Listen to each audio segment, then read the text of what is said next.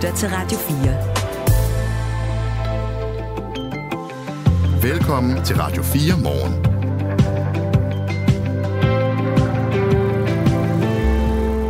Konflikten mellem Israel og Hamas er flyttet ind på de danske rådhuse. På papiret så må de egentlig ikke træffe beslutninger om udenrigs- og sikkerhedspolitik i byrådssalene. Det er ligesom Folketingets område. Men alligevel så er der kommuner lige nu, der behandler udenrigs- og sikkerhedspolitik. Og det skal vi tale med øh, Roar Buk om, som er kommunalforsker ved Danmarks Medie- og Journalisthøjskole om kvarters tid. Øh, det bare noget af det, vi har til dig. Lige nu skal vi ombord i noget, vi diskuterede måske lidt, om det var i forgårs, at det optog folk, det med Pernille Vermund, men det optager folk endnu. Du skal høre en sms. Radio 4. Ikke så forudsigeligt. Det er J fra Valby, der skriver, angående Pernille Vermund, så er der kun én ting, der passer på hende. Det er opportunist, skråstreg fra især. Skråstreg har taget røven på sine vælgere på bekostning af magt. Øh, hun kører frem med, at det er Blå Bloks skyld. Hun har trukket offerkortet og byder sig velkommen i et indvandrerglad parti, samt som levebrødspolitiker.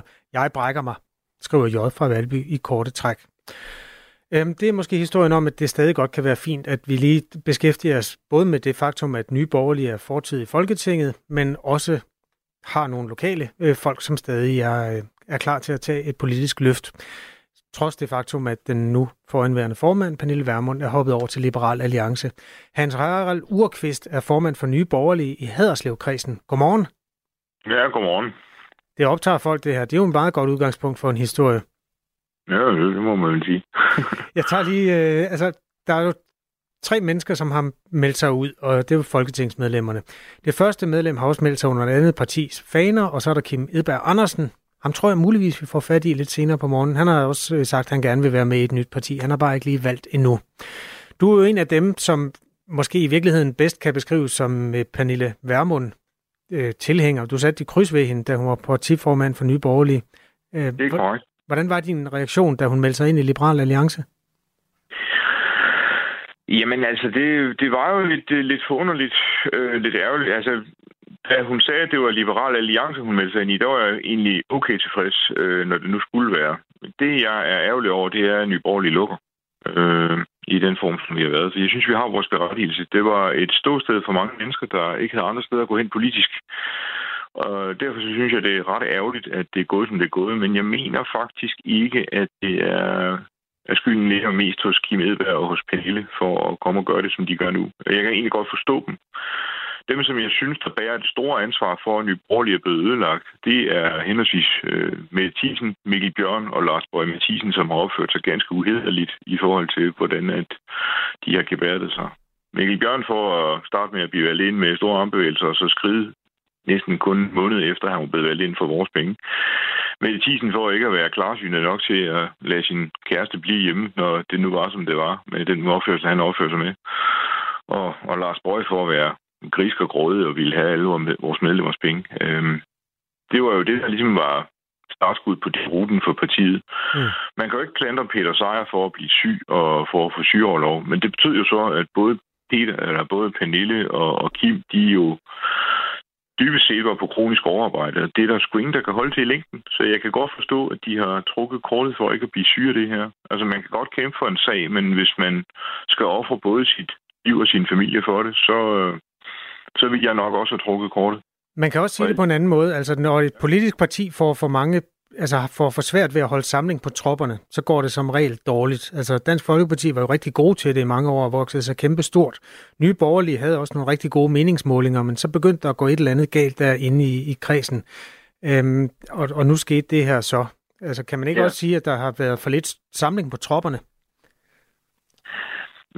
Ja, men altså, jeg synes jo, samlingen på tropperne, den har været ganske udmærket. Der har selvfølgelig også været nogle organisatoriske udfordringer i partiet, sådan som, som vi som, som fodfolk ser. Altså, der har, har været nogle, nogle, nogle sager i den tiden, hvor et, vi måske har undret os over, at det var så topstyret på nogle punkter, men på andre punkter, så når man er et nyt parti, er der jo selvfølgelig nogle, nogle, nogle... Man skal kravle, før man kan gå. Og sådan er det jo med alle partier. Jeg tænker ikke, at du finder et eneste parti i Danmark, der har startet problemfrit. Øh, så er der så nogen, der har haft held til at overleve i længden og vokse så store og blide.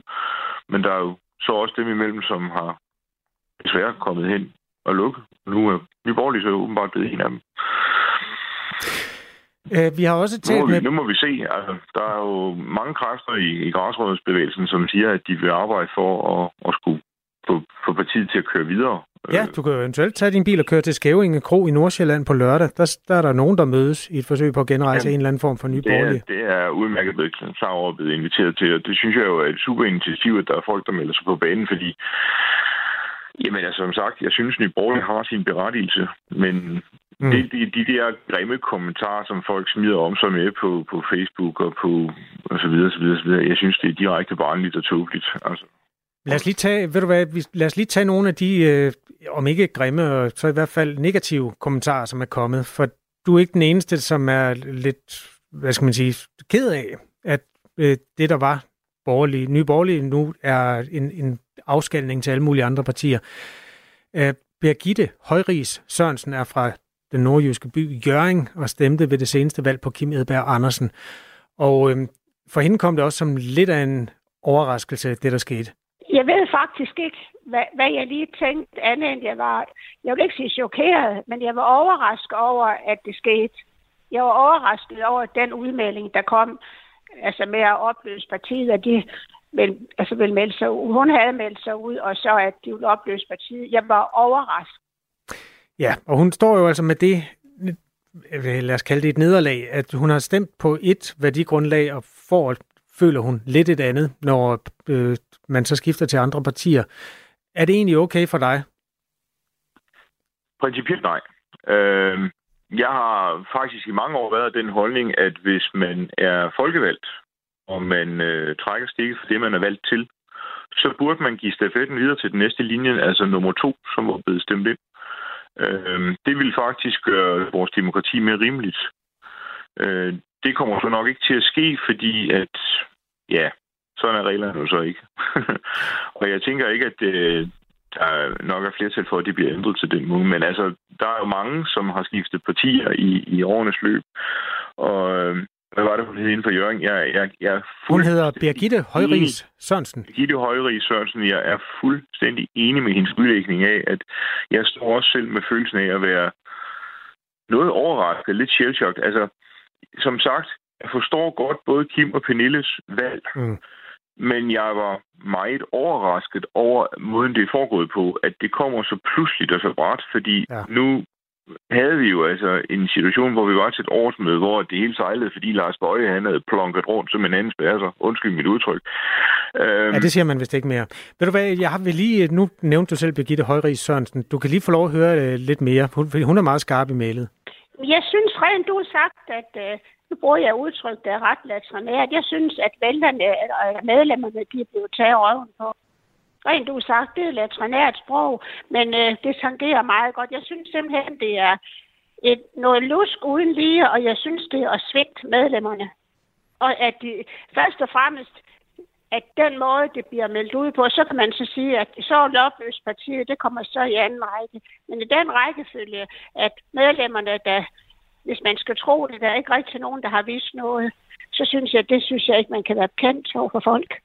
Og det, det er det største, kan man sige. Det er det største, og så kommer, at de så opløser partiet, det, det er noget andet igen. Men den måde, det sker på, det synes jeg, det, det er det værste.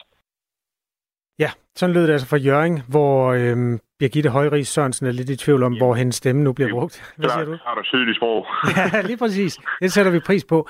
Øhm, sådan til sidst, Harald Urkvist. Nu sidder du og er formand for Nye Borgerlige i Haderslev-kredsen. Så længe, så længe den eksisterer. Så længe der ja. hvad, skal, hvad går du så bagefter? hvis den forsvinder? Jeg, altså, jeg, jeg er ikke politiker, jeg er organisatorisk formand, så, ja. så jeg, har ingen, jeg har aldrig haft politiske ambitioner om at skulle sidde i en byråd eller folketing, så altså, det, det har simpelthen været for at arbejde for den gode sag, at jeg har gjort det. Øh, og jeg tænker da nok også, at jeg vælger et andet parti at arbejde for på et senere tidspunkt. Og det kunne faktisk godt være Liberale Alliance, fordi det var det, jeg stemte på, før jeg blev nyborgerlig. Grunden til, at jeg ikke valgte Liberale Alliance at fortsætte med det, det var, som der også er blevet nævnt, både øh, skuffelsen over, at, at, at der var folk, der kom ned fra træerne, og så fordi, at Liberale Alliance i sin tid ikke havde nogen udlændingepolitik.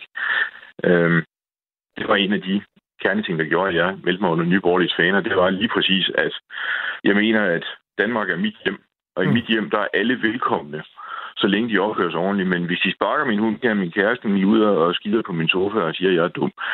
Så bliver de altså smidt ud af fordøren. Tag Hans Harald Urqvist, formand for Nye Borgerlige, øh, stadigvæk, kan man høre, i Haderslev-kredsen. Hyggeligt, at øh, du vil være med i Radio 4 morgen og fortælle om perspektiverne i de her partiskifter, der sker lige nu. Ha' en god dag. Ja, tak alligevel. Tak. Kasper, det passer dig så godt at få en sms om Pernille. Du havde aldrig læst sådan en sms op, hvis du havde været til en, hvis det havde været til en venstreorienteret politiker. Jeg ved godt, du aldrig læser denne sms op, skriver Lars fra Greve. Nej, jeg læste den ikke op. Det gjorde Anne. Det gør jeg. Øh, vi sætter pris på alle savlige, kritiske sms'er, der kommer ind om de politikere, vi interviewer. Der er nogle sms'er, der bliver valgt fra, hvis de er fuldstændig idiotiske. Og det bliver du simpelthen nødt til at spørge dig selv om, inden du trykker send. Om, er det her virkelig idiotisk? Så læser vi det ikke op. Men øh, jeg synes ikke, vi kan beskyldes for at have sådan en eller anden politisk slagside. Men det er jo meget populært at sige, at journalister er nogle røde svin. Og det var vel det, der stod mellem linjerne i posten fra Lars. Godt han gav lyd i hvert fald. Man kan også øh, fortsætte debatten på sms'en om lige præcis øh, det, det også handler om det her, nemlig om man øh, kan tillade sig at skifte holdninger, når man er politiker, når man skifter parti, eller om det er utroværdigt. Det er nemlig det, som vores øh, program Ring til Radio 4 debatterer i dag, og det er øh, som altid mellem kl. 10 og 12. Klokken er 16 minutter over syv. Du lytter til Radio 4. Måske så er der nogen, der øh, kigger ud af vinduet, ser det koldt og tænker, så kan det være, at vi kan få lov til øh, det, man måske altid har drømt om, siden man var barn, man var barn, at stå på skøjter på søen.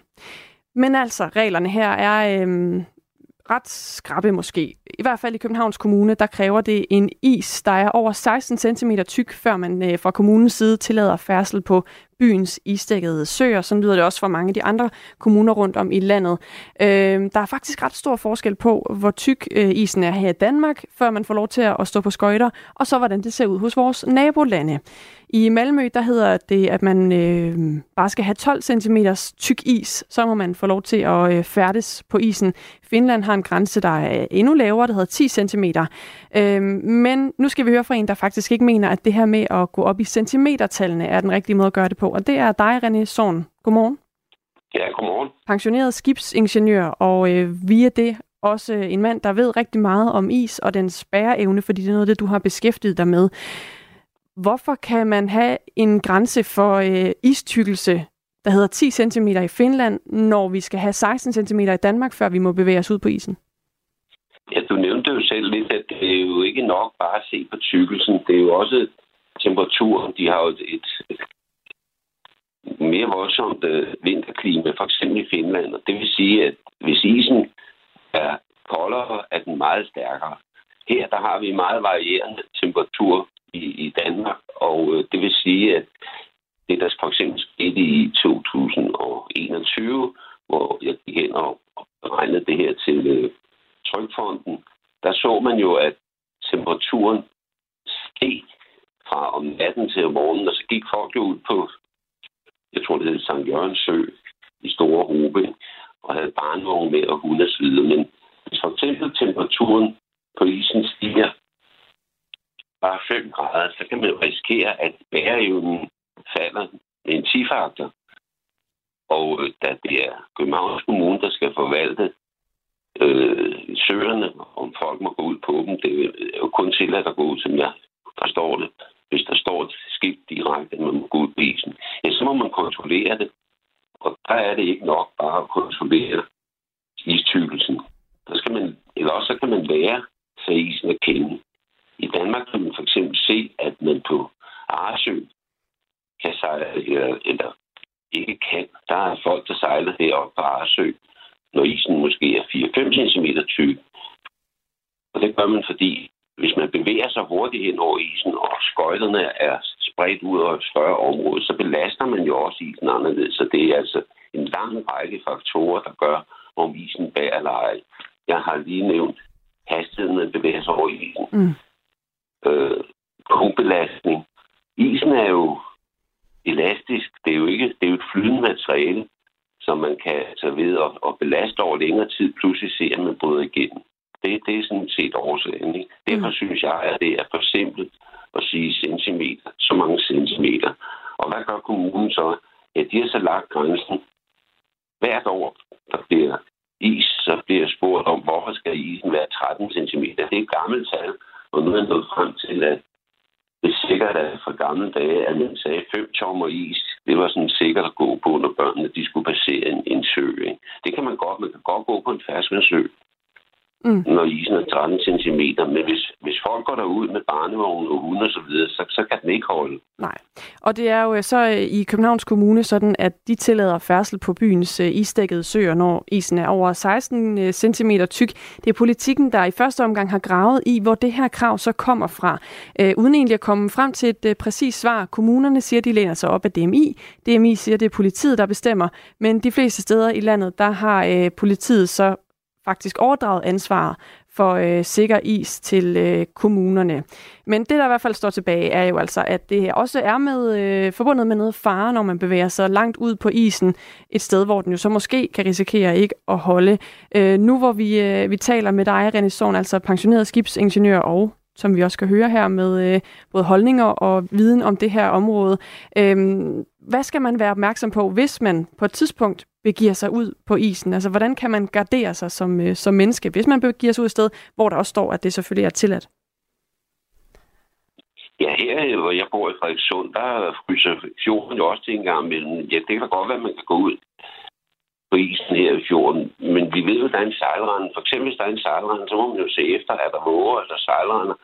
Det påvirker isens tykkelse, og så går man jo igennem på søerne i København for eksempel, der kan være varmerør, der går øh, gravet ned under søerne. Det vil sige, at man har pludselig områder, hvor der er åben vand eller, eller våger, siv og så videre. Alle de ting skal man tage højde for. Det er det, jeg kalder, at man må, man må lære sig isen at kende.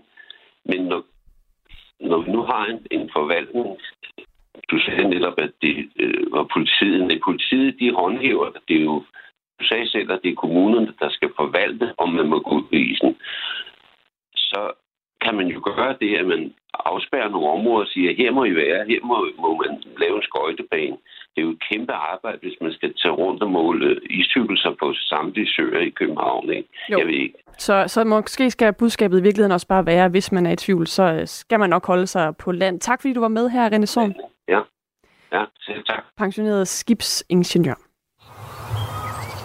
Man skal forestille sig sådan et typisk norsk landskab med små fjeldtoppe og får og geder og den slags.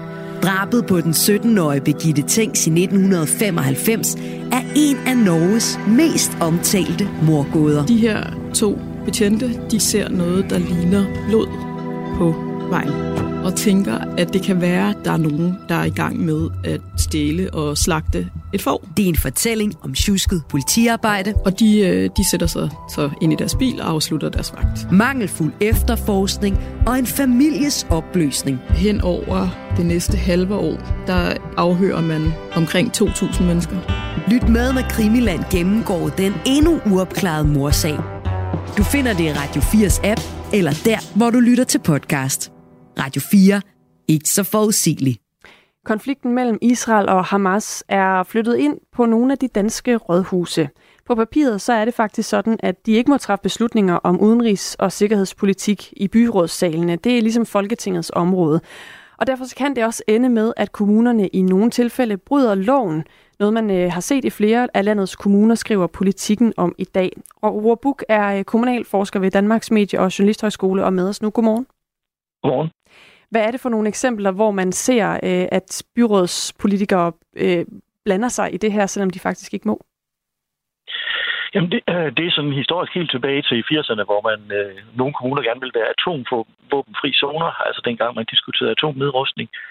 Øh, og så her aktuelt er det jo meget øh, krigen i Gaza, som, øh, som er afsættet, øh, hvor nogen vil øh, boykotte israelske varer, nogen vil sende sympatierklæringer. Øh, nogen vil øh, opfordre til våbenhvile, nogen vil øh, have et palæstinensisk flag øh, til at veje foran kommunale bygninger. Så det er nogle af de der øh, eksempler, der er, øh, både for rigtig mange år siden og så helt aktuelt. Og hvad er det, der, øh, der gør, at de her, øh, nogle af kommunerne vælger at blande sig, for de ved vel godt, at det må de sådan set ikke? Ja, det må man gå ud fra. Det får de jo sådan set også besked på fra øh, de kommunale forvaltninger. Når der kommer et øh, forslag om at vedtage sådan nogle ting her, jamen så får de jo vide fra den kommunale forvaltning, at øh, det må man ikke. øh, at kommunerne ikke må føre udenrigspolitik. Øh, der er jo ligesom en arbejdsdeling at, øh, her i, i landet, at kommunerne laver nogle ting, og staten laver nogle andre ting, og regionerne laver nogle tredje ting. Og man må altså ikke sådan gå og blande sig i det, som de andre laver, og det vil altså sige, at øh, udenrigspolitikken, som er suverænt, ikke bare Folketingets, men også i høj grad suverænt af regeringens område, øh, det er altså ikke noget, kommunerne må blande sig i. Øh, nogle af de eksempler, der har været, nu, nu var du også omkring nogle af dem før. Øh, Albertslund Kommune i november sidste år havde blandt andet på dagsordenen til et byrådsmøde, øh, at øh, der var et punkt, der handlede om netop Israel-Hamas-konflikten. Øh, den socialdemokratiske borgmester her vidste godt, at det var ligesom øh, ikke et kommunalpolitisk anlæggende, og prøvede også at advare byrådsmedlemmerne, men det ignorerede de, og så stemte de igennem og vedtog, at Albertslund skulle sende en appel til den danske regering og Folketinget om at støtte FN's opfordring til våbenhvile og en overholdelse af krigens love. Det er altså politikken, der har øh, kigget på det. Øh, der har også været i Høje Tostrup, hvor Enhedslisten og SF har forsøgt at få et boykot af israelske varer op i byrådet. Øh, det har de radikale også foreslået, at man skulle stemme om, øh, nej, de har foreslået, at man skulle stemme om, om der skulle hejses et palæstinensisk flag ved rådhuset. Så det er bare for at nævne nogle af de eksempler, hvor byråderne begynder at, at tage det her ind i byrådssalen, altså den her øh, konflikt. Hvorfor må man egentlig ikke det? For nogle af de her ting kunne jo godt have, måske have en øh, lokal øh, side, som gjorde, at det kunne være aktuelt for, for byrådsmedlemmerne at kigge på det.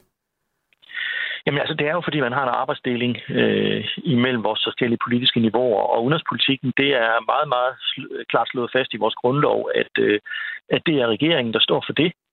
Og det kan man altså ikke begynde at lave om på øh, som kommunalpolitiker, fordi man, man mener noget andet. Øh, man kan undre sig over, hvorfor man kommer med de her forslag, som man godt ved er, i strid med reglerne, og, og i virkeligheden sådan fundamentalt er i strid med grundloven. Men man gør det selvfølgelig for at sende nogle signaler. Altså det kan godt være, at man ved, at det ikke bliver vedtaget, men, øh, eller overhovedet kommer til behandling. Men, øh, men så har man jo da i det mindste sendt et politisk signal. Og det er selvfølgelig fordi, at den her øh, krig i Gaza er noget, der optager sindene rigtig meget i Danmark, og, og der er så nogle politikere, der gerne vil, vil sende nogle signaler. Men, men det er jo altså dybt problematisk, fordi især de steder selvfølgelig, hvor man vedtager det, øh, som, som, som der er jo også er eksempler på, at man trods advarsler om, at det er i strid med reglerne, vedtager man det. Og det er jo dybt problematisk, fordi kommunerne jo ellers øh, på mange områder er meget nidkære over for borgerne i byggesager, i sociale sager og alt muligt andet, og slår meget hårdt ned på borgere, som ikke overholder reglerne. Og derfor er det klart, at, at øh, så er det øh, meget uklogt, øh, og i virkeligheden også dybt provokerende, at kommunalpolitikerne så selv øh, mener, at på nogle områder, der må de så godt bryde reglerne. Men når du siger det på den måde, så øh, kan man jo også undre sig over, hvad lokalpolitikerne så egentlig vinder ved at diskutere storpolitik. Jamen, de vinder jo først og fremmest, at de får sendt nogle signaler her. Altså bare det, at man diskuterer, skal det overhovedet på dagsordenen, øh, og, og skal man, skal man øh, vedtage det her, det skaber jo en lokalpolitisk debat, og der bliver de her politikere, som, øh, som prøver at komme igennem med forslagene, jo synlige. Medierne dækker det.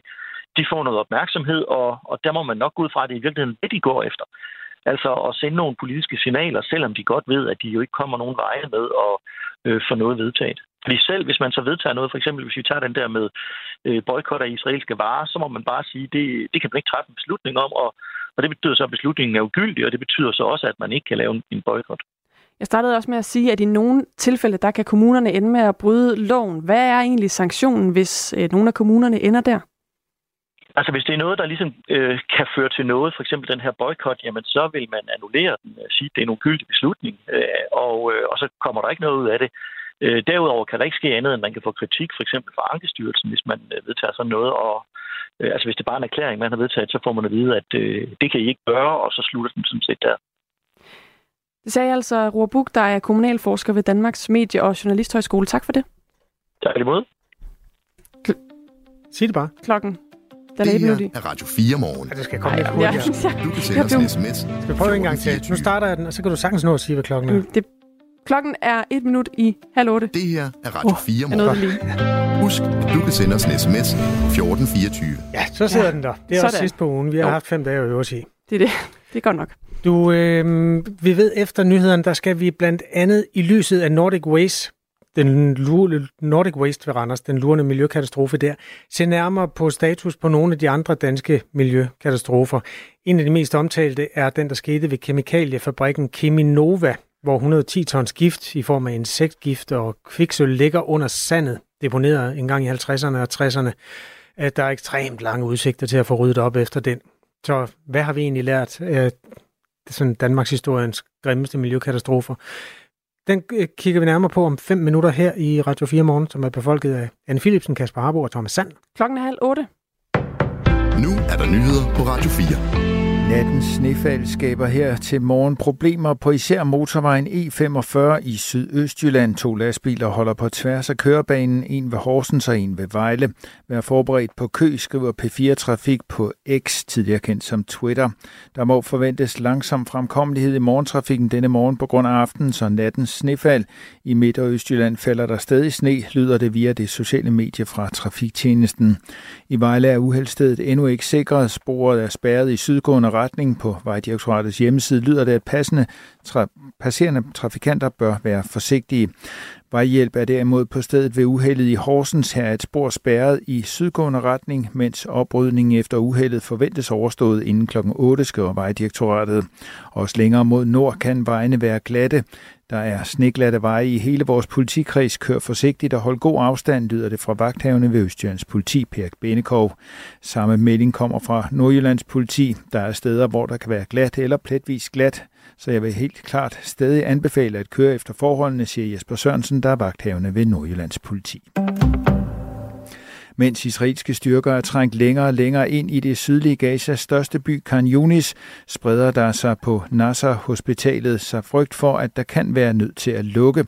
Det skriver mediet The Guardian. Hospitalet er lige nu det største hospital i funktion i Gaza. Indbyggere og medicinsk personale i Khan Yunis melder om kampe blot meter fra hospitalet i løbet af den seneste uge. Hospitalet har modtaget hundredvis af sårede hver eneste dag siden kampene i sidste måned bevægede sig længere sydpå. Israel har beskyldt Hamas-krigere for at holde til på hospitalet. Det har medicinsk personale ifølge The Guardian benægtet. To ud af tre hospitaler i Gaza er ude af funktion. Ifølge avisen New York Times bliver kampe og eksplosioner færre i den nordlige del af Gaza.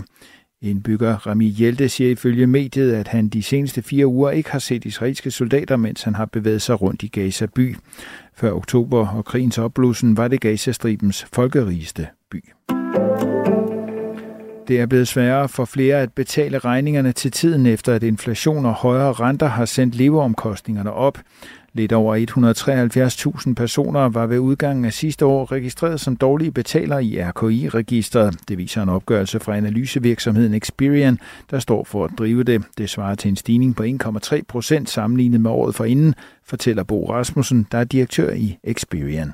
Det er en stigning, øh, som desværre fortsætter fra de sidste opgørelser, vi har haft efter mange år, hvor vi, øh, hvor vi så et fald.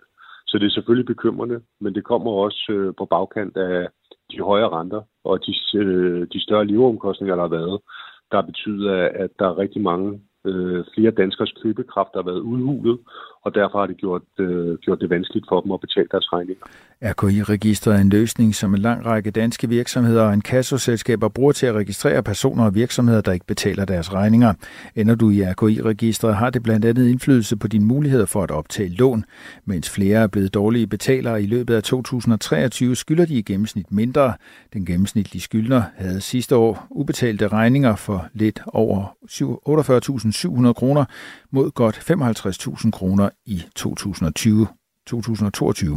Umiddelbart kan det tolkes som en positiv udvikling, men hos Experian ser man det som et svaghedstegn. Når det skyldige gennemsnitsbeløb øh, er faldet så markant, så bliver det faktisk et udtryk for, at flere skylder forholdsvis små beløb til, til sine kreditorer.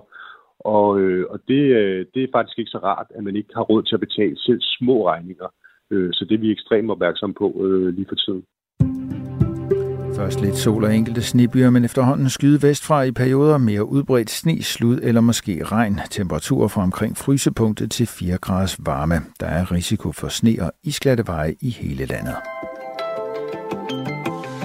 Det her er Radio 4 morgen. Husk, at du kan sende os en sms på 1424 fra øh, seks forskellige skoler i det odenseanske, i hvert fald i Odense Kommune, der bliver det fremover sværere for forældrene, hvis de gerne vil sætte deres børn af lige til døren, altså ud af en bildør. Fordi fra marts, der kommer der bilfri zoner omkring de her skoler, øh, for at øge andelen af elever, der enten øh, vælger at gå til fods, eller som cykler i skole. Vi har fået mange inputs på den, men de er alle sammen i en eller anden grad øh, positive. Det er sådan en historie, som nogle gange deler vandene, men til synligheden ikke her. Og hvis det bliver en succes i Odense, så kommer det også andre steder. Hvis du synes, det er verdens dummeste idé, så er det jo et emne, man også kan ytre sig i forhold til i sms'en. Vejen herind hedder 1424. Og om et kvarter, der taler vi med Regitze Spænder Ishøj, der er næstformand i skole, og forældre om det lige netop også i forhold til, om de synes, det er noget, der kunne være værd at brede ud, eller om det skal stoppes ved Odense. På den anden side af jorden går det rigtig godt øh, for nogle andre end de danske tennisspillere, fordi de mm. danske tennisspillere har alle sammen tabt. Vi har i ugens løb øh, talt med øh, ja, blandt andet Michael Mortensen, som er tenniskommentator for Eurosport, og øh, han kan så få lov at lægge låg på den kiste, der rummede de danske drømme om en eller anden form for topplacering i Australien om cirka kvarter. Er det ja, sådan noget, jo, rundt regnet. 10 minutter måske. Mm. Kvarter. Det, det viser sig. Det er det, vi ved, og så kan der ske alt muligt andet. Du vi... kan hjælpe os med at opdage det, vi ikke har opdaget nu på 1424. Ja, vi ved også, at det er glat derude. Elisabeth bekræfter det på 1424. Det er så farligt at cykle lige nu. Jeg faldt med cyklen ud på kørebanen i søndag, så kunne ikke rejse mig. Heldigvis fik jeg kun en knæskade, men husk cykelhjelmen. Ja, det er ret tumultarisk nogle steder. Nogle steder sner det og har sneet i nattens løb, og der kan ligge til 15 cm sne. Andre steder er der tørre veje, så det må man lige sætte sig ind i på, på forhånd, inden man øh, hvad hedder det, får alt fra god fart i cyklen. Ja. Det er også en dag, hvor der kommer stormstød på tværs af Danmark, sådan en bælte fra syd for, syd for Horsens et sted, og så helt ned til den dansk-tyske grænse, og så i virkeligheden hele vejen hen over Fyn og Jylland og Bornholm, der får man vindstød og stormstyrke fra i eftermiddag. Så øh, vejret øh, har fart på. Det, det må man også. sige. Ja. Anne Philipsen, Kasper Harbo, Radio 4 Morgen. Godmorgen. Det her er Radio 4 Morgen.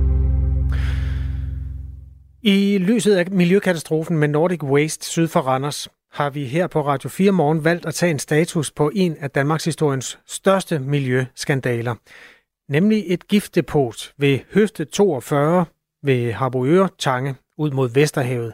Her ligger 110.000 kilo gift. 110 tons insektgifte og i øvrigt også øh, 7 tons kviksøl gemt under sandet. Det var noget, man smed derned en gang i 50'erne og 60'erne, da man drev kemi- Nova, den lokale kemikaliefabrik. Mange har selvfølgelig hørt historien. Den nye udvikling, som man har forsøgt at sætte i gang i, var jo at øh, oprense det her. Det blev besluttet på Christiansborg for over tre år siden, for at tage et opgør med fortidens miljøsyndere. Men her øh, i 2024 er giftdepotet øh, der endnu, og der er stadig ekstremt lange udsigter til, at det bliver fjernet. Her til morgen kan vi fortælle, at det øh, udbud, der skal beslutte, hvem der skal stå for oprensningen, igen er blevet udskudt. Altså man skal lave en opgave, som forskellige firmaer kan byde ind på. Men før den ligesom er budt ud, så sker der i hvert fald ingenting. Bent Graversen er formand for udvalg for regional udvikling i Region Midtjylland for Venstre. Godmorgen. Godmorgen. Det er forløbig udsat til 24. januar, og vi regner med, at det så rydder videre til marts. Hvornår sker der noget? Jamen, øh, der sker jo noget hele tiden, som du siger. Altså, nu får vi jo de endelige tilbud ind. Øh, de kommer ind her den 24. januar. Og så skal vi jo have tid til at læse øh, alle de her tilbud, som er på mange hundrede sider. De skal jo læses igennem for at få lavet den rigtige beslutning i forhold til, hvem der skal stå for oprensningen. Hvor, hvor tilfreds er du med, at der er gået så lang tid? Ja, men hvis du tager hele tidslinjen for høfte 42, så kan man jo sige, at i særdeleshed inden for de sidste to år er det jo sket rigtig meget. Vi var jo næsten hen på målstregen øh, i efteråret 22, hvor så øh, Putins øh, indtog i Ukraine øh, gjorde noget ved energikrisen, som, øh, som gjorde, at vi måtte øh, stoppe øh, udbuddet. Og så har vi jo så kørt et, et, et nyt udbud siden, og det vil sige, at det har taget et års tid, øh, fra vi begyndte det, og til vi forhåbentlig står med et øh, endeligt dokument til vedtagelse her øh, sidst, sidst på første kvartal. Ben Graversen er altså formand for udvalg for regional udvikling i Region Midtjylland, valgt for Venstre. Og Region Midtjylland går jo hele vejen fra Djursland og Aarhus og så helt over til og med Vestjylland og rummer så også øh, den her øh, tange her. Hvor, hvor holder du egentlig selv til? At du, jeg kan høre den vestjyske sang i dig. Ja, jeg bor i Lemvig Kommune. Okay, godt. Så, så, så tæt på det her. Hvordan øh, opfatter ja. man det i området? At det, det bliver Jamen, ved og bliver ved? Jamen, jeg tror i virkeligheden, at øh, den generelle opfattelse i området, det er, at man er glad for, at der er taget beslutning om, at det skal renses op. Øh, man er jo øh, endnu mere glad for, at man fra mange år tilbage fik øh, sikret, at forureningen ikke øh, ligger og siver og breder sig. Og det gjorde man jo ved at sætte en spunsvæg ned. Så i forhold til, øh, til katastrofen, der har man jo stands katastrofen, øh, kan man jo sige, og stands ulykken. Og det vil jo sige, at der, det er jo ikke sådan en, en tikkende bombe øh, lige umiddelbart. Og derfor så tror jeg egentlig, der er en øh, bred forståelse for, at det her det er en opgave, som aldrig er gjort før. Og det vil jo sige, at først skulle der udvikles en metode, og så skulle der jo findes penge til det. Og, og det med pengene, det er jo, øh, det står jo i regeringsgrundlaget, at vi skal finde finansiering til høfte 42, men, men vi må jo også sige, at det ikke er endelig bevilget endnu. Men, men den generelle holdning i, i, i, mit, i min baghave, det er, at der er faktisk øh, ro om sagen, og folk har tillid til, at nu bliver det gjort. Vi tager lige lidt fakta om den her sag, som jo øh, strækker sig over øh, flere forskellige øh, år. Giftdepotet ved Høfte 42 er blevet kaldt en af de største miljøskandaler i Danmark nogensinde. Og det er altså over fire år siden, at det blev besluttet på Christiansborg, at Høfte 42's giftdepot skulle oprenses. Så satte man 375 millioner kroner af, øh, heraf 250 millioner kroner fra finanslovsmidler og 125 millioner fra Aarhus Universitets forskningsfond Auriga, som øh, tidligere har været Kiminova ejer. Datoen for en færdig udbudsrunde er så sidenhen blevet udskudt af tre omgange. Senest er den blevet rykket fra, man forventede, at den er klar til den 24. januar, til at Region Midtjylland nu først forventer udbudsrunden færdig i slutningen af marts i år, hvor man altså så endelig ved, hvor meget det kommer til at koste, og også hvem der skal stå for oprensningen. Hvad er det helt konkret for et stykke arbejde, Ben Graversen? Altså skal man bare fjerne øh, hele stranden, eller hvordan gør man det der sådan helt konkret? Men man tager jo den, øh, man tager jo forureningen, øh, som ligger i, i sandet derude, så tager man, den tager man jo og, og kører igennem en proces, hvor det så skal opvarmes og så dampes ud øh, af sandet. Øh, det, er, det er jo en proces og en øh, teknik, som, øh, som øh, par firmaerne har kørt forsøg på i nogle år derude. Øh, for overhovedet at kunne byde på opgaven, skulle man jo have fundet en teknik. Øh. og det, det har jo taget noget tid at få det gjort, og det er jo så der, vi øh, kører videre fra nu. Mens vi taler om den her historie, så udspiller der sig jo altså en anden miljøkatastrofe, potentielt i hvert fald øh, syd for Randers, hvor en blød undergrund betyder, at noget forurenet jord, der bliver opbevaret der ved Nordic Waste, det bevæger sig. Man gør alt, hvad man kan for at afbøde, så det ikke øh, glider ned i den lokale å, og dermed ud i indre farvande. Og også øh, for, at det ikke skal begrave en nærliggende by, der hedder Ølst. Hvis ikke man gjorde noget, så vil den være begravet i 5 meter giftig mudder øh, i løbet af et til to år. Hvordan, øh, hvad tænker du egentlig, når du iagtager noget, der øh, sådan har potentiale til at blive en lige så stor katastrofe, øh, mens vi snakker? Hvordan, hvad tænker du, øh, Ben Graversen, når du hører sådan nogle nyheder? Ah, nu vil jeg bare tænke, at det er to vidt forskellige ting, øh, der tror. altså, på høft 42 er der styr på det, altså ulykken er stanset, og man har, har styr på forureningen. Øh, det, der sker i Randers lige nu, det er jo i alles øjne en, øh, en uafskuelig nærmest risiko, der er der. Men jeg, jeg kan ikke rigtig... Jeg har svært ved at se, at de to ting kan sammenlignes øh, lige på det stadie, de er på lige nu. Ikke desto mindre, så kan fællesmængden mellem dem være, at sådan et oprensningsarbejde, det bliver nærmest øh, endeløst. Og det er jo så også det, der er den aktuelle tredje sten til, at vi taler med dig. Øh, Bent Graversen, vi har talt med Bjarne Hansen, ham er du sikkert bekendt med, miljøforkæmper fra Tyberon, et par kilometer fra Høfte 42, som har brugt det meste af sit liv på at råbe op om giftdepotet der. Han tror ikke på, at der nogensinde bliver ryddet ordentligt op. Det er nemt for os herude, uh, uden for hoveddør, uh, at se, hvad fanden det er, de foretager sig. At, at øh, det er noget råd, de kommer frem med. Jeg tror, det er noget råd. Jeg tror, de skylder os en forklaring. Det er bundsgående forklaring i, at pokker det er, de laver. Jeg vil gerne have gift op øh, efter to før det på, så vi skal gå herude og, og bekymre os om, at det er det, der slår os ihjel med den store krafthyppighed, vi har herude. Øh, det er den, der han er interesseret i at få fjernet så lidt som muligt fra, og så få lukket den sag her ikke igen, så de kan komme videre. Ja, man risikerer, at man bare lukker så lidt som muligt af det der gift, eller får fjernet så lidt som muligt, og så får lukket sagen og kommer videre. Kan du garantere, at høfte 42 er så ren, at man kan spise af den om 10 år? Ja, men altså nu er det svært at udstede garantier, men i forhold til øh, min interesse i det der, så er jeg jo mindst lige så interesseret i det som alle andre, at få den der høfte renset op. I forhold til, at, øh, at, at man ingenting ved om det, jamen altså, der har jo været øh, holdt møder derude, der har været orientering løbende om det her, så, så informationsniveauet tror jeg ikke, der er, er specielt dårligt, og, og Bjarne kender jo mig udmærket, så han kan jo bare ringe og spørge, hvis der er noget, han øh, gerne vil have at vide. I forhold til, uh, om jeg kan garantere, om vi kan spise sand derude, nej, det ved jeg ikke, om man skal gå og spise sand, fordi så kan der jo være PFAS i det måske.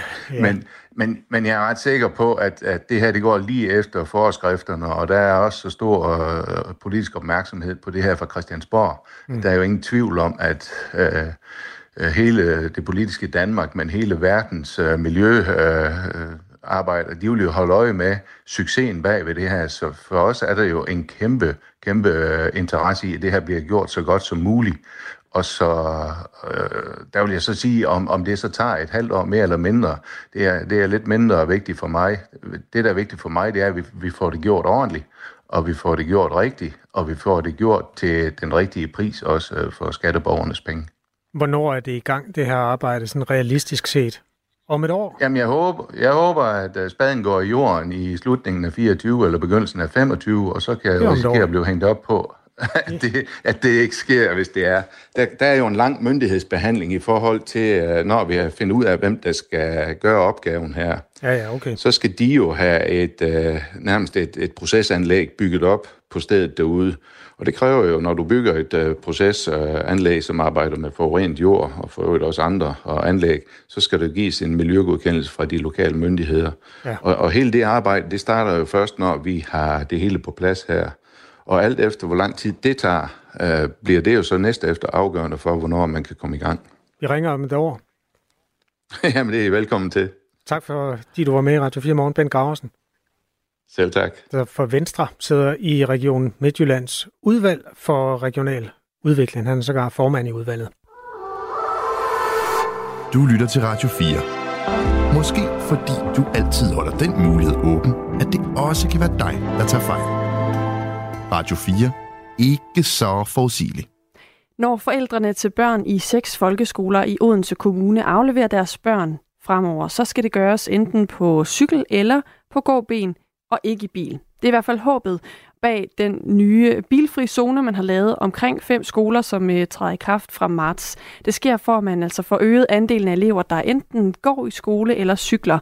Øh, det er noget, som politikerne i kommunen har besluttet, og øh, vi talte med Susanne Crawley Larsen, der er rådmand for børne- og ungeforvaltningen i kommunen for Radikale Venstre lidt tidligere på morgenen. Hun sagde sådan her om, hvorfor hun mener, der er brug for de her bilfri zoner.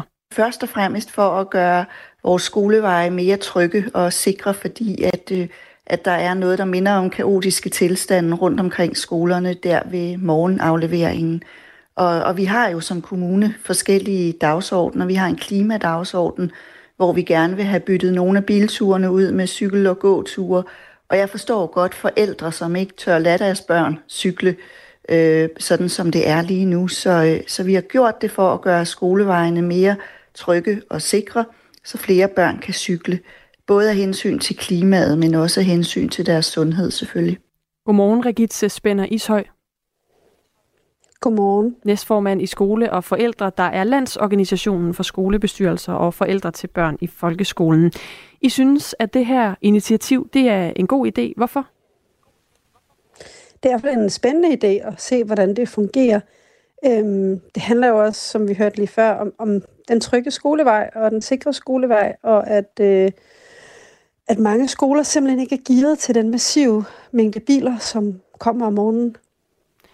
Der er jo sådan flere øh, argumenter for i det, som vi hører også fra Susanne Crowley Larsen her. Altså der er noget, der handler om sikkerheden, som du også er inde på her, og, og trygheden ved, at man kan færdes øh, omkring skolens parkeringsplads og området omkring skolen, uden at man skal føle, at man nærmest kan blive kørt ned af bilerne. Så er der jo også det, der handler om, at flere øh, børn og unge gerne skal komme afsted til skole ved at gå eller cykle, altså få rørt sig. Øhm, er det også noget, som fylder for jer, at det skal være med til at skubbe dem i den retning? Altså, vi ved jo, at bevægelse er godt for indlæringen, så det er da slet ikke, øh, slet ikke nogen dum idé at øh, se, om man kan motivere lidt mere til det. Og for at kunne det, så er man jo også nødt til at skabe nogle gode rammer for det. Og det gør man jo ved at fjerne, tage bilerne ud af ligningen. Fordi det er dem, der er årsagen til, at det er usikkert at sende sine børn afsted på gåben eller på cykel. Gåafstanden kommer jo selvfølgelig så til at variere fra skole til skole. Konkret i det her øh, tilfælde i Odense, der vil der blive mellem 250 og 400 meter øh, fra, hvor man ligesom kan blive sat af i bil, og så til øh, det sted, hvor øh, man normalt vil blive sat af, altså uden foran skolen på parkeringspladsen. Så der bliver den afstand på gåben, hvis man er øh, en af de børn, der bliver sat af i bil. Elever med særlige behov, det kan fx være elever i kørestol, kan godt blive afleveret ved skolen som normalt. Det, der er tilfældet her i Odense, det er jo, at øh, det er politikerne, der har lavet det her forbud mod at forældre afleverer eleverne i bil tæt for skolen. Hvad tænker I hos øh, skole og forældre generelt om, at politikerne går ind og laver den slags regler, som jo har indvirkning på forældrenes hverdag? Jamen, så vidt jeg har forstået, så har skolebestyrelserne været med i, øh, i debatten og i processen omkring den her beslutning, øh, har kunne komme med input til politikerne. Øh, og jeg hører også, at øh, skolebestyrelserne faktisk bakker op om den her beslutning. Og det er det, der er det afgørende for mig, om hvorvidt det er en god idé eller ej. Det er, at det er skolebestyrelserne selv, der har været med til at gå ud og sige, at det her det kunne faktisk godt give mening for vores skole. Fordi det er dem, der står ude på skolerne, der ved, hvad der kan fungere for os, og hvad for nogle udfordringer vi står med i hverdagen. Så at politikerne tager beslutningen, det er fordi, det er det, de har. Det har de mandat til, men det er vigtigt, at de tager skolebestyrelserne med ind i processen. Men der kan jo også sagtens sidde nogle forældre, der er uenige med skolebestyrelsen, og som faktisk ser, at de får nogle udfordringer ved at aflevere deres børn, nu hvor den her beslutning er truffet. Hvad med de forældre? Jamen, det er selvfølgelig, vil der være nogen, hvor det ikke fungerer særlig godt for. Og øh, det, som jeg også hører, det er, at det er noget, vi skal evaluere på. Øh, det er noget skolebestyrelse, noget politikerne gerne vil se på. Hvad er det, der skal, hvad er det for nogle udfordringer, der opstår, og hvordan kan vi så løse de udfordringer? Det er jo altid sådan, at når man i gang sætter nye initiativer, så er der en afprøvningsfase, hvor man lige skal lære det hele at kende, og se på, hvordan man skal lave om på sin hverdagsstruktur. Så jeg håber da, at øh, både skolebestyrelser og politikere lytter til de forældre, som oplever udfordringer, og ser, om de kan finde løsninger lokalt. Og nu er det jo så øh, en historie, der udspringer af beslutningen i Odense, men kunne I hos skoleforældre øh, tænke jer, at det her det blev udbredt til alle skoler i landet? Jeg synes, det er en spændende øh, beslutning, og jeg synes, det er et spændende projekt, de kører. Jeg ved, der er andre steder i landet, hvor de gør det samme. Øhm, det vil ikke være en løsning, som kan fungere på alle skoler, øhm, men det er klart en, en snak, vi skal tage ude i skolebestyrelserne om, hvordan laver vi en god og sikker skolevej for vores børn. Hvad for nogle muligheder har vi øh, ude på de enkelte skoler. Men der findes ikke en, en løsning, som kan fungere for alle skoler i hele landet. Du er selv formand for skolebestyrelsen på Svend Gyngeskolen i Lundby, Vordingborg Kommune. Er det her noget, du kunne så mm. se, forestille dig blev indført konkret der? Altså, vi er jo en lille landsbyskole med mange folk, der kommer langvejs fra, så det kan godt være svært at lave det helt, helt bilfrit. Men der er ingen tvivl om, at vi er også i gang med at snakke om vores trafiksituation, og især om morgenen, og hvordan vi kan gøre det bedre og mere sikkert. For det bliver farligt en gang imellem, og det skal det ikke være. Det skal ikke være farligt at gå i skole. Tak fordi du var med her, Regitze Spænder Ishøj. Selv tak. Næstformand i Skole og Forældre, der altså er Landsorganisationen for skolebestyrelser og forældre til børn, der går i folkeskolen. Du lytter til Radio 4 morgen. Der er ikke mere dansk deltagelse ved tennisturneringen Australian Open. Konklusionen er lidt trist. Men det er fakta efter Clara Tausen og øh, Holger Rune røg ud af den prestigefulde øh, tennisturnering i går. Det var så dagen efter, at Karoline Wozniacki røg samme vej. Det var en ærgerlig Michael Mortensen, der var på besøg i Aftenradio. Han er tenniskommentator for Eurosport. Ja, det var godt nok bedre, at både Clara Tausen og, og Holger Rune, de tabte i dag, altså. Men øh, ja, sådan sker det en gang med dem. Det er bare ærgerligt, at de begge to skulle ryge ud samme dag på samme bane, men, øh, men sådan er det. De havde ikke de spillemæssige kvaliteter, der skulle til for at besejre sine modstandere. Men øh, en stor kado, synes jeg, til Clara Tausen. Jeg synes, hun spillede en rigtig flot kamp mod Victoria Azarenka. Det er en kamp, hvor hun ligesom kan tage mange ting med og lade sig inspirere af og konvertere over til træning og de kommende turneringer. Så, så hun forlader i hvert fald Melbourne med en god erfaring, selvom den er bittersød lige i øjeblikket. Men øh, Holger Rune mod, mod uh, fra Frankrig, ja, det er jo en spiller på papiret. Han skal besejre, ligger 122 i verden. Men det var en meget, meget inspireret Casso, som øh, spillede en af de bedste kampe, han har gjort i, i sin karriere, var på for første point og spillede med stor autoritet og finesse. Så, så et eller andet sted var, var det lidt overraskende over, at Casso kunne holde det høje niveau, og så også lidt skuffende, at øh, Holger Rune ikke var i stand til at neutralisere nogle af de virkemidler, som øh, Casso implementerede i kampen, det, det var lidt skuffende. Arthur Casso, som altså slog øh, Holger Rune ud, nummer 8 i verden. Han var øh, meget øh, sådan i godt humør, da han havde gjort det, skal jeg hilse at sige. Han, han sagde faktisk, at han gerne vil undskylde over for det danske folk. Han beklager, at han, havde, han elsker landet og det danske folk, så undskyld, han smed vores landsmand ud, sagde Oj. han med et smil på læben. Det er lidt frægt. Ej, det er da kæmpe god stil, er det ikke? Eller var det sådan for Ej, at jeg tror du ikke, det var sådan lidt... Øh, ja.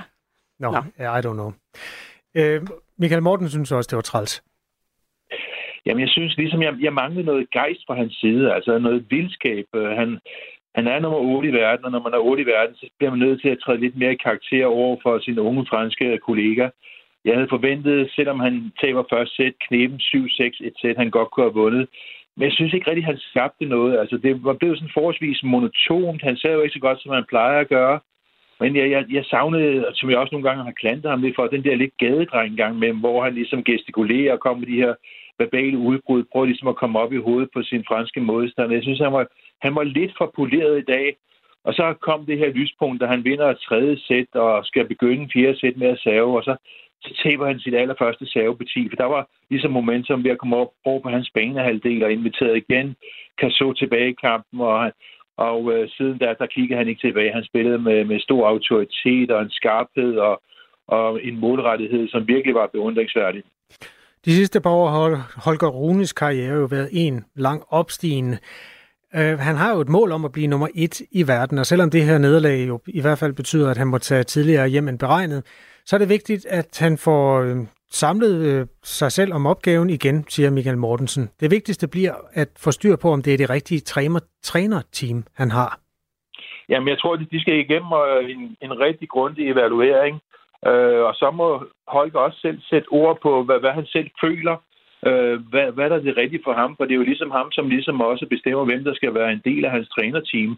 Så det er vigtigt, at han ligesom øh, han også ytrer sig omkring det, om, om det er det rigtige setup. Øh, hvad, hvad manglede her? Kan det være rigtigt, at Boris Becker han ikke har mulighed for at komme til Australien? Er det den rigtige person så? Øh, og Severin Lyttic, jamen altså, han skal også have lov til lige at, at, at finde øh, sin rolle i det selskab, men øh, der er i hvert fald nogle ting, der skal tales igennem. Fordi det, de her fire Grand Slam-turneringer, det er jo der, hvor han virkelig skal gøre sig gældende, hvis han skal avancere op ranglisten og indfri de målsætninger, som han, han har sat sig. Så der er nogle ting, der skal diskuteres igennem, øh, hvad der skal ske fremadrettet for ham lød det fra Michael Mortensen, tenniskommentator for Eurosport, og det risikerer at være det sidste indslag, vi har lavet om Australian Open i den her omgang. Det, det er jo sjovt. godt tænkes. Ja, når der er danskere med. Der er en, der skriver, at danske tennisspillere er overvurderet. Fat det nu. Hold jer til håndbold. Hvis man vil gøre det, så er det jo i aften. Nå, okay. En lille bro til en håndbold. Lille bro, ja. Hvem møder Danmark nu? De møder Sverige. Uh. Nå, det er en af de svære. Det kunne godt blive en svær kamp. Er det kvart, eller? Det er mellemrunde. Nå, ja. hele mand. Der er langt igen så. Det er meget spændende. Nu vil jeg ved sportshjørnet. Ja, så har jeg noget at sige. Ja. Radio 4. Ikke så forudsigeligt. Så skal det være noget uforudsigeligt nu. Joris Gagnon. Ja, det havde jeg ikke regnet med Nej, vel. Kender du ham? Det lyder som en... Øh, nej, det kan, nej, nej, det gør jeg Det kan også have noget at gøre med min udtale. Han er fodboldspiller i Sevilla. Siger det der så noget? Du nej, er jo lidt en... faktisk ikke. Nej, okay. Nå. Øh, han har øh, fået afgjort en sag i den internationale sportsdomstol CAS. Øh, han blev simpelthen øh, fyret på gråt papir, fordi klubben synes, at han var blevet for tyk. Nå, ja, det er jo ikke så op i tiden at drille folk med det. Nej, men de har fået ret. Eller hvad kan man sige? De har fået videre af Kass, at det måtte de gerne. Okay, han var for tyk. Ja. Altså, det er en klassisk øh, situation, hvor han vender tilbage efter coronapandemien og har taget på. Ja, det mm. gjorde vi jo alle sammen. Vi sad jo alle sammen ned og spiste kage.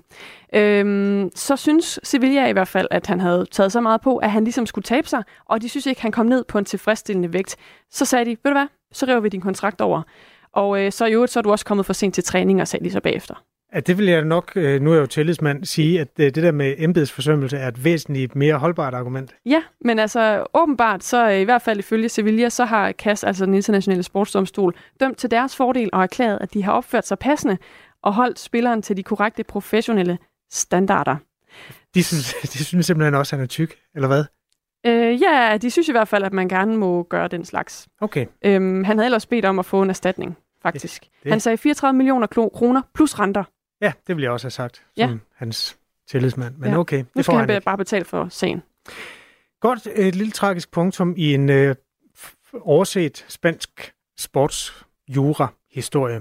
Efter nyhederne kommer vi til at se nærmere på en knap så overset historie, nemlig det faktum, at Nye Borgerliges øh, folketingsgruppe er opløst, og det blæser stadig i vinden, hvor øh, Kim Edberg Andersen han blæser hen. Han har jo åbnet døren for både det ene og det andet. Altså helt hen til Socialdemokratiet kunne ja. han sådan set se sig. Det bliver spændende at uh, tale med ham lidt senere. Nu er klokken 8. Du har lyttet til en podcast fra Radio 4. Find flere episoder i vores app, eller der, hvor du lytter til podcast. Radio 4. Ikke så forudsigeligt.